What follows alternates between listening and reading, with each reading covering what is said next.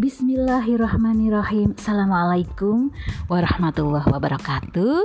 Selamat pagi teman-teman. Kali ini Bunda kembali menyapa kalian Dengan kisah tentang Nabi Ayub alaihissalam sang penyabar Yuk kita dengarkan ya. Bunda akan berkisah untuk kali ya teman-teman ya Nabi Ayub alaihissalam adalah nabi yang dikaruniai banyak rezeki dari Allah. Nabi Ayub alaihissalam memiliki rumah yang bagus dan kebun yang luas. Istrinya cantik dan baik. Anak-anaknya juga pintar dan taat pada orang tua. Meski diberi nikmat yang banyak dari Allah, Nabi Ayub alaihissalam tidak sombong Beliau justru semakin bersyukur dan selalu beribadah kepada Allah. Para malaikat memuji sifat Nabi Ayub alaihissalam ini. Aku tak pernah melihat manusia yang hidup di atas bumi Allah yang lebih baik dari hamba Allah, yakni Ayub. Dia seorang mukmin sejati dan ahli ibadah yang tekun. Dia juga pemarah, pemurah dari rejeki dan harta kekayaan yang diberikan oleh Allah. Dia menyisihkan sebagian untuk menolong orang yang memerlukan dan para fakir miskin, tambah yang lain. Mendengar pujian malaikat itu, para setan menjadi kesal. Mereka tidak rela jika ada manusia yang taat kepada Allah setan mengajak teman-teman lain untuk menggodanya. Setan lalu menghasut Nabi Ayub agar meninggalkan sholat. Nabi Ayub, namun Nabi Ayub tak goyah. Beliau terus beribadah dan memuji Allah. Ah, ini tentu karena Ayub punya harta yang banyak. Dia jadi tenang beribadah dan tak perlu mencari nafkah, kata setan. Mereka lalu meminta kepada Allah supaya harta Ayub dihilangkan. Allah pun memenuhi permintaan setan.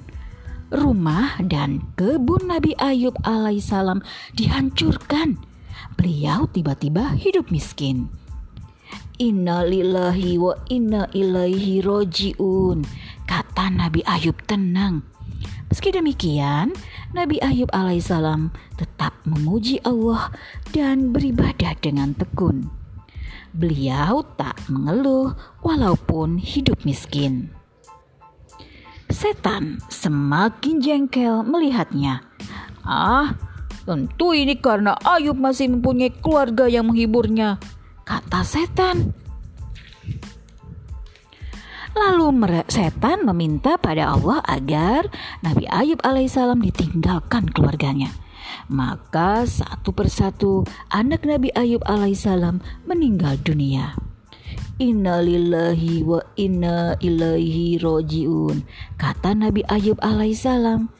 Di tengah situasi seperti itu, Nabi Ayub alaihissalam tetap tekun beribadah dan memuji Allah kehilangan anak tidak menjadikannya berkeluh kesah dan berpaling dari Allah. Setan kesal melihatnya.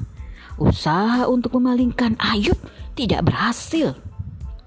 Ini karena Ayub sehat, coba dia sakit, kata setan. Setan pun meminta Allah agar Ayub diberi penyakit. Sekujur tubuh Nabi Ayub alaihissalam membusuk, tapi Nabi Ayub tetap sabar Inna lillahi wa inna ilaihi rojiun. Itulah yang diucapkannya berulang kali. Beliau tetap bersyukur dan beribadah kepada Allah. Ibadahnya bukan berkurang, melainkan bertambah. Penyakit kulitnya semakin parah. Namun dengan sabar, beliau pindahkan belatung-belatung yang menggerubungi kulitnya ke tanah. Belatung itu tak dibunuhnya. Lama-kelamaan, Rahma, istri Ayub, tak sabar merawatnya karena tubuh Ayub semakin bau. Ayub kemudian ditinggal istrinya. Lagi-lagi Nabi Ayub alaihissalam tetap bersabar. Dia terus berdoa kepada Allah dengan sungguh-sungguh. Setan benar-benar kehabisan cara untuk mengganggu Nabi Ayub alaihissalam. Allah lalu mengangkat penderitaan Nabi Ayub alaihissalam. Hentakkan kakimu. Inilah air yang sejuk untuk mandi dan minum. Firman Allah kepada Nabi Ayub alaihissalam.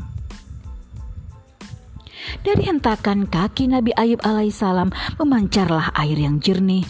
Nabi Ayub alaihissalam lalu mandi dan minum dengan air itu. Dalam sekejap penyakit kulitnya hilang. Nabi Ayub kembali segar dan sehat seperti semula. Di tempat lain, Rahma menyesali karena meninggalkan Ayub. Aduh, suamiku sakit. Kasihan, kenapa aku tinggalkan dia? Pikirnya. Dia pun kembali pulang. Alangkah kagetnya Rahma karena ada seorang laki-laki gagah di rumahnya. Siapa Anda?